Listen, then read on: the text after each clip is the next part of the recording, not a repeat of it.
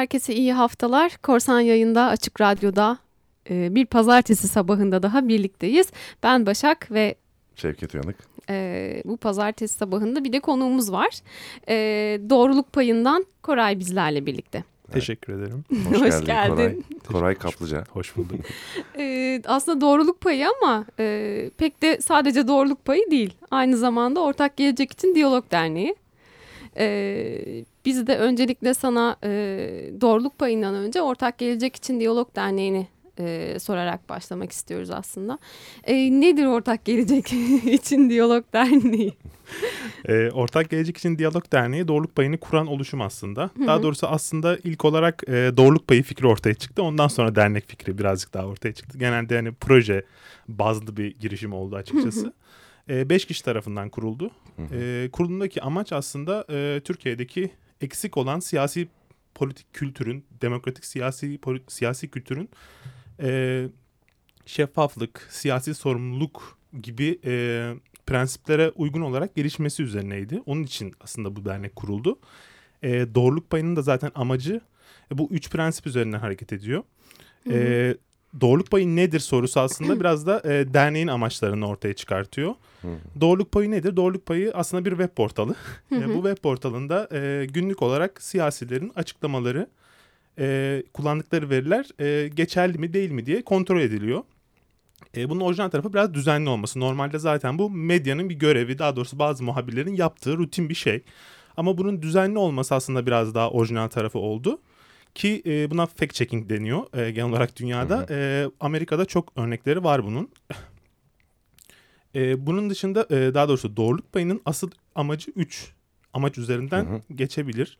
E, birinci olarak siyasilerin daha sorumlu olmasını sağlamak ki siyasi Hı-hı. sorumluluk prensibi buna dayanıyor. Bir de söylemlerde tutarlılık değil mi? Evet yani, tabii. Siya- sorumlu söyle- olmak belki de e, onun gibi bir evet, şey. Evet aslında söylemlerde tutarlılık kısmına çok daha fazla giremedik. Şu an insan gücümüzün daha e, sınırlı olmasından dolayı. Fakat tabii ki yani vizyonumuz ne diye sorduğun zaman tutarlılık kontrolü de var bunun içinde. Hı hı. E, birinci olarak dediğim gibi siyasi sorumluluk prensibini ortaya çıkartmak ve politikacıların söylediklerinden sorumlu olmasını sağlamak. E, Türkiye'de bunu düzenli olarak kontrol eden bir kuruluş şu an yok. Evet. E, ikinci olarak tabii ki bunları kamuoyuna e, ifşa ediyoruz sonuçta. Twitter, sosyal medya Hı-hı. üzerinden paylaşıyoruz. Web sitemizde yayınlıyoruz. Raporlarımız var bununla ilgili. Bunlar da tabii ki e, kamuoyunu bilgilendirme amacı taşıyor. Ki bu şekilde de e, kamuoyu yani daha doğrusu seçmen, seçmen tarafından bakarsak eğer olaya daha bilinçli bir şekilde tercih yapabiliyor. Yapabiliyor. Neden? Çünkü temsilcilerin doğru söyleyip söylemediğini Geriye dönük olarak bakabilecek. Bakabiliyor. Yani. yani hani biz bunun için bir done sağlıyoruz aslında onlara. Üçüncü olarak tabii bu doğruluk payının e, ne kadar aktif olabilmesiyle ilgili bir amaç oluyor. Tabii ki bu bizim amacımız fakat ne kadar etkin olduğumuz konusunda soru işareti var. E, tartışmayı biraz daha veri bazlı hale getirmeye çalışıyoruz. Örneğin Türkiye'de genelde siyasi tartışmalar değerler üzerinden çok fazla e, devam eder. Ee, şimdi değerlerin tabii ki devam et, siyasi tartışmaların bir kısmı tabii ki değerler üzerinden devam etmesi gerekebilir. Çünkü bazı ideolojiler tabii ki birbirine çatışmak zorundadır. Çünkü farklı dünya görüşleri vardır. Fakat e, veri bunda çok az yer kaplamaya başladı bir aşamadan sonra. Şimdi verinin olması neden önemli? Çünkü bir şey veriye dayalı olduğu vakit tartışılabilir. Ama değerler üzerinden bir tartışma olmaz. Hani bu yüzden siyasetçileri veri kullanmaya, daha doğrusu doğru veri kullanmaya biraz daha teşvik ederek e, siyasi tartışmanın kalitesini arttırmaya amaçlıyoruz. Tabii ki bu bizim amacımız. Tabii bunun ne kadar etkin olmamız doğruluk payının e, ne kadar hani sosyal medyada olsun, kamuoyunda ne kadar etki yarattırdığıyla alakalı bir durum. Ama tabii ki bu üçüncü amaç için de çalışmalarımız ayrıca sürecektir. Ben ilk çıktığından beri yani nasıl buldum sizi bilmiyorum ama Twitter'da gördüm herhalde ilk. Çünkü böyle bir şeye ihtiyaç duyuyordum yani haberlerin. Çünkü biliyorsunuz Türkiye'de hani bu son zamanlarda da çok fazla tartışılıyor. Bir yalan üzerinden, bir yalanlar üzerinden siyaset yürütülüyor. Yani bunu arıyordum yani haber doğrulayan bir site buldum. Sonra sizi buldum. Ee, yeni yani yeni bir oluşması değil mi doğruluk evet, yani çok yani, olmadı. Şu an e, Mayıs aslında Haziran itibariyle ilk yılımızı dolduracağız. İyi yani. Ee, geçen yıl bu sıralar şu an proje yazım aşamasındaydık biz de. Evet. Bu arada e, internet sitesini bilmeyenler için adresi de şey yapalım www.doğrulukpayı.com. Ee, burada peki e, interaktif bir site değil mi? E, interaktif site fakat şu an e, teknik açısından birazcık sınırlılığımız var. E, yeni web sitesi şu anki web site biraz amatör görüyor. Şu anki Hı-hı. baktığımızda ilk e, web site bize geldiğimizde aa ne kadar profesyonel demiştik ama e, şu an baktığımızda ihtiyaçlarımız tabii ki karşılamıyor. Çünkü sonuçta belli bir kesime ulaşmayı da başardık e, ve bu kesim bizden mesela istek istiyor, biraz daha katılmak istiyor. Dediğiniz gibi tam interaktif boyutu da orada devreye giriyor. Bu biraz e, yani şu anki mevcut site e, o konuda biraz daha sınırlı. Fakat önümüzdeki site direkt yazar olma yani e, beyanat gönderme, beyanat analizi yayınlama, kaynak kullanma gibi seçeneklerle olacak. Yani Hı hı. okuyucu aynı zamanda aktif olarak editör rolüne de üstlenecek bir şekilde belli bir moderasyondan Hı hı. sonra. Önümüzdeki site daha interaktif olacak. Bunun sitedeki interaktifte biraz sorun olduğunu söyleyebilirim tabii ki. Yani buna şey de dahil olursa çok güzel olur. İnsanlar girip analiz yapsa mesela. Aynen evet. Ve ona da yazsa işte ben e, bu veriyi inceledim. Şuralara baktım. Buyurun dese size atsa sizin e, analizcileriniz de baksa böyle bir katılım olursa çok güzel olur yani. Zaten dünya çapında yani daha doğrusu dünyada bazı ülkelerde bu e, iş iş modeli yani daha doğrusu bu model işliyor. Hı hı. E, mesela Amerika'dakinde genelde daha profesyonel medya profesyonellerinin e, tek elinde gidiyor bu iş. Örneğin Hmm. Politifek burada çok önemli bir kurum.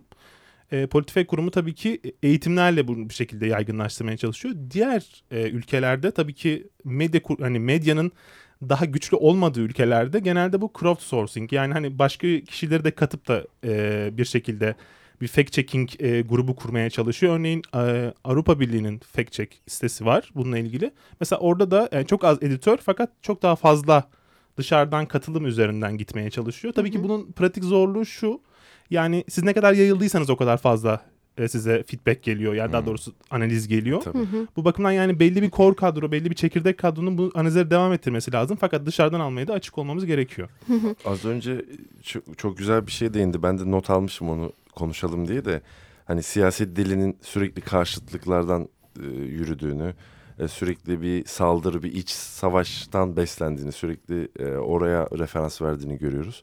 Hani ben şahsen mesela bu durumdan çok rahatsızım ama e, herhalde doğ- doğruluk payı ekibi de ve onu takip eden insanlar da bundan sıkıntılı ki daha güzel bir yere yorulmasını, daha böyle tartışmalı bir ortama hani e, iyi anlamda eleştiri, yapıcı tartışmaya doğru evrilmesini düşünüyordur. Ben öyle düşünüyorum. Yani siz de eğer öyle düşünüyorsunuz Tabii bence. ki üçüncü amacımız tamam tamamıyla onun Aynen. üzerine zaten kesinlikle. Yani Türkiye'de aslında demokratik siyasi kültürün farklı şekilde gelişmesinin e, bir tezahürü de bu şekilde gerçekleşiyor. Yani tartışmalar gerçekten çok karşıtlı kutuplaşma üzerine. Neden? Çünkü uzlaşılacak değerler yok ortada. Yani birisi çok farklı yer üzerinden gidiyor. Birisi çok farklı prensipler üzerine hareket ettiği için bunlar uzlaşamıyor bir türlü. Hı hı. Aslında uzlaşacak alan da var. Yani bazı ortak değerler tabii ki var. Aslında Ortak Gelecek için Diyalog Derneği de belki Evet. bu amaç üzerinden birazcık ismini almış durumda.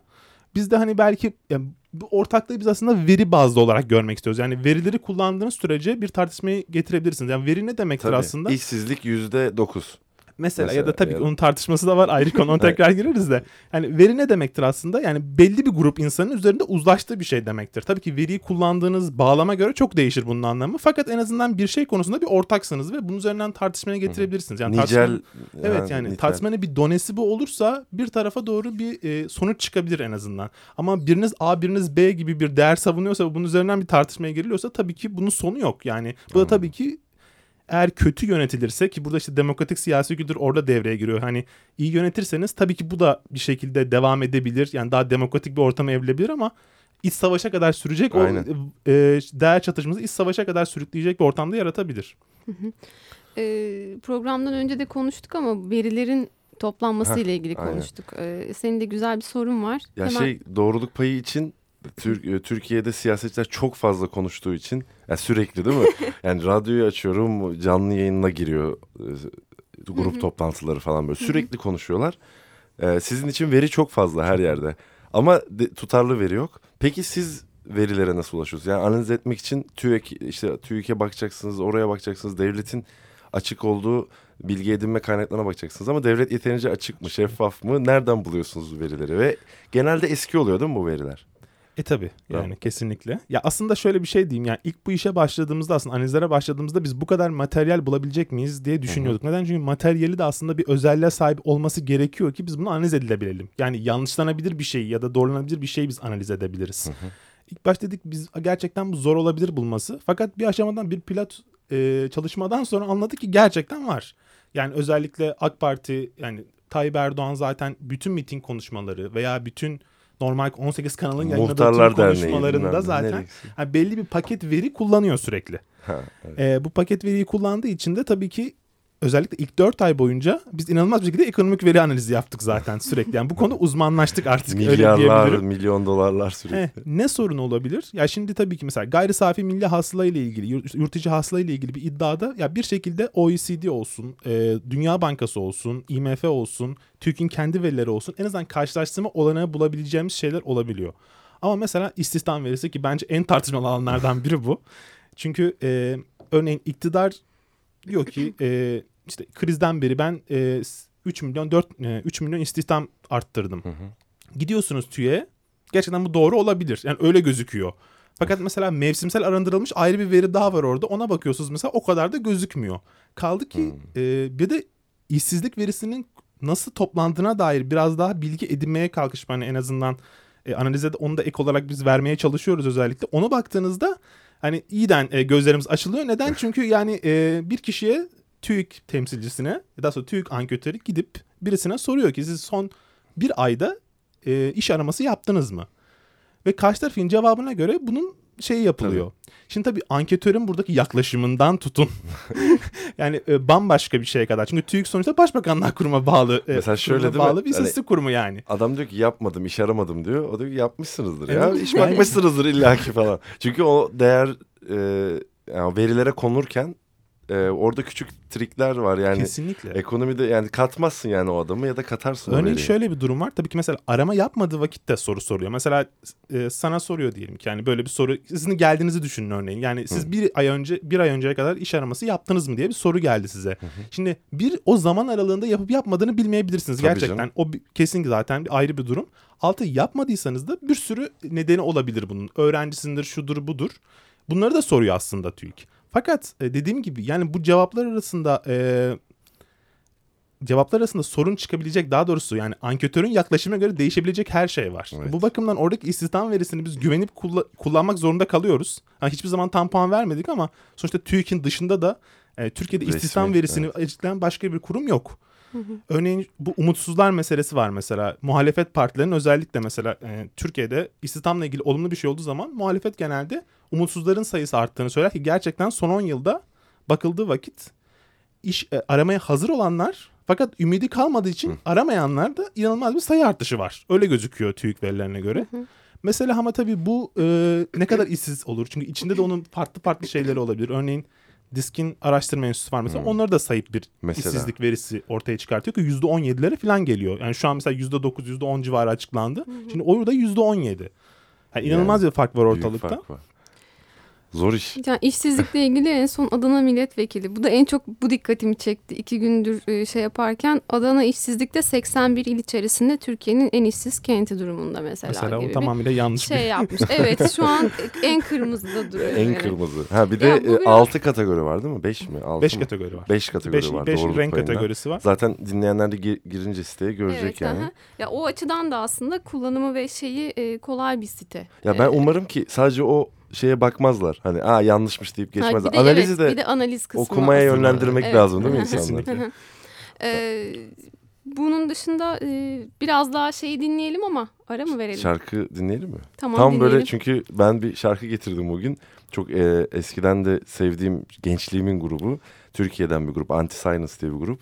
Onların Government Slides diye bir e, şarkısı var. Hani e, hükümet yalanları diye. Sözleri de çok güzeldir. Biraz da pazartesi sabah için yolda gidenlere falan iyi gelecek. Yani sert bir şarkı. Hadi bakalım. Onu dinleyebiliriz.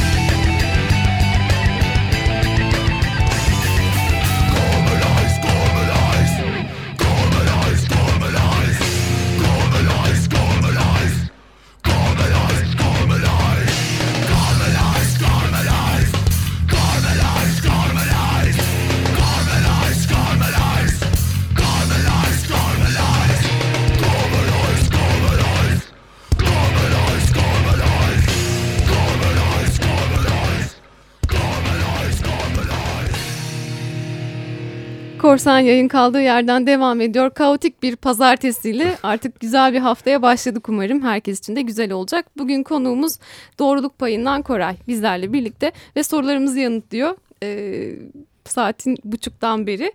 Ee, Diğer sorumuz da şu biraz siteden bahsettik daha dinamik olacak işte daha interaktif olacak gibi e, tüyolar verdin ama daha başka ne düşünüyorsunuz? Nereye gitmesini planlıyorsunuz ilerleyen zamanlarda? Yani tabii ki projenin e, amacı dediğimiz gibi hani şeffaflık, siyasi sorumluluk ilkeleri gibi aslında aslında bunda tek amacı var. Yani e, denge ve denetleme aslında Türkiye'deki en büyük sorun bu aslında. Denge ve denetlemedeki eksiklik. E, meclisin denetimi ise yani sadece seçimden seçime olan bir şey. E, iktidarın denetimi tabii ki muhalefet belki bir ölçüde yapabiliyor. Fakat tabii ki meclisin denetimi sadece ondan da ibaret değil. Yani sivilin de bir denetim olması gerekiyor. Şey olarak da bir denetim lazım. Çok kavga ediyorlar ya hani. Evet. Oraya, oraya öyle bir de, denetim de lazım. Merdivenlerden uçanlar. Her şeyle bir denetim gerekiyor Her şey. kesinlikle.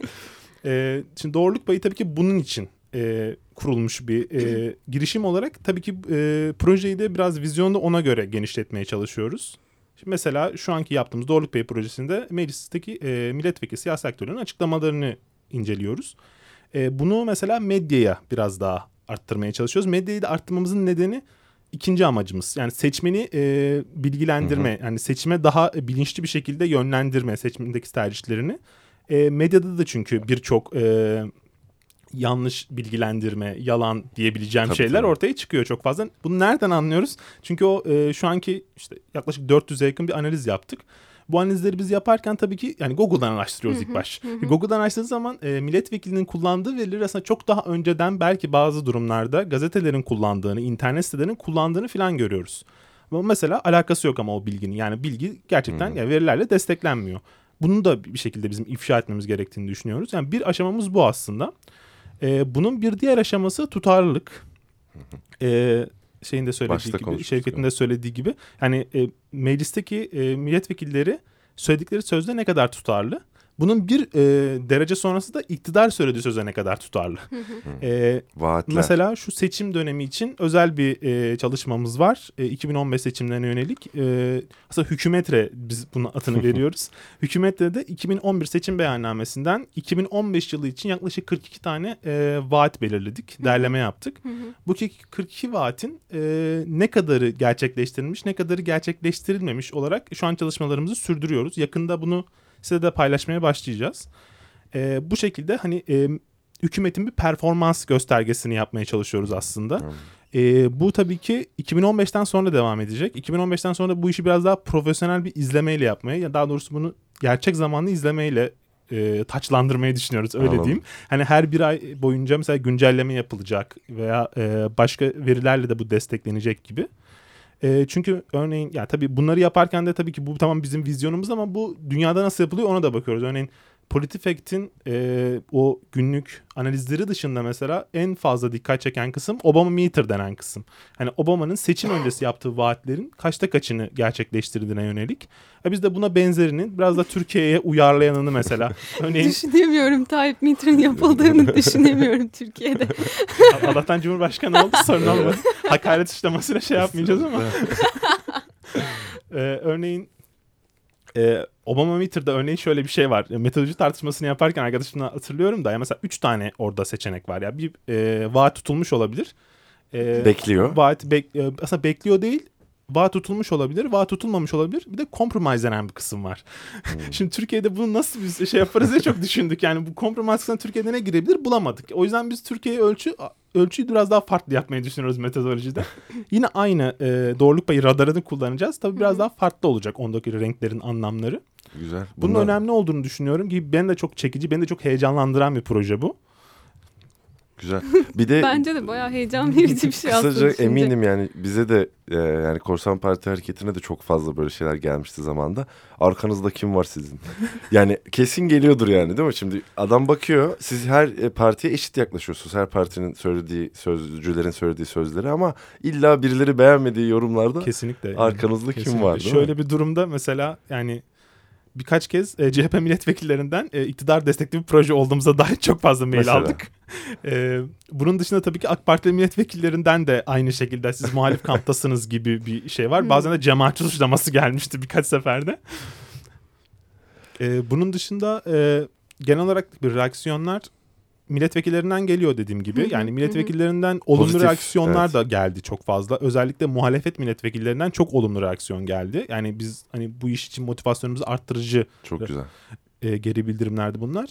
Öncelik ilk olarak tabii ki bizim amacımız aslında biraz da iktidarı burada denetlemek. E, Yani, tabii biraz amaç da bu. Yani o yüzden AK Parti'nin milletvekillerine yönelik çok daha fazla çalışmışlığımız vardır o bakımdan. Yani genel olarak da ortalamaya bakıldığı zaman tabii ki bu koltuk sayısıyla orantılı bir şey ama tabii ki sürekli onları da yanlış çıkartıyoruz demiyorum ama yani genel olarak onların demeçlerini çoğunlukla alıyoruz diyorum. Ama yani doğruluk payı yani doğruluğu değerlendirilmeyecek gibi demeçler de olmuyor genelde. Bir de- çok fazla. Evet, öyle. Haklısınız çünkü çok söz hakkı var. Mesela haberleri yapmışlardı işte e, iktidar partisi AK Parti işte AKP'ye işte bir saat yer ayırıyor. CHP yarım saat işte HDP'ye Aynen. bir buçuk dakika falan böyle. Hani o yüzden Evet, evet şeyin başından beri dediğimiz gibi bu siyasi ahlak maalesef ya oturmuş. Eskiden var mıydı artık öncesini hatırlayamıyorum bile 28 bazen. Şubat'ta neredeydin Başak?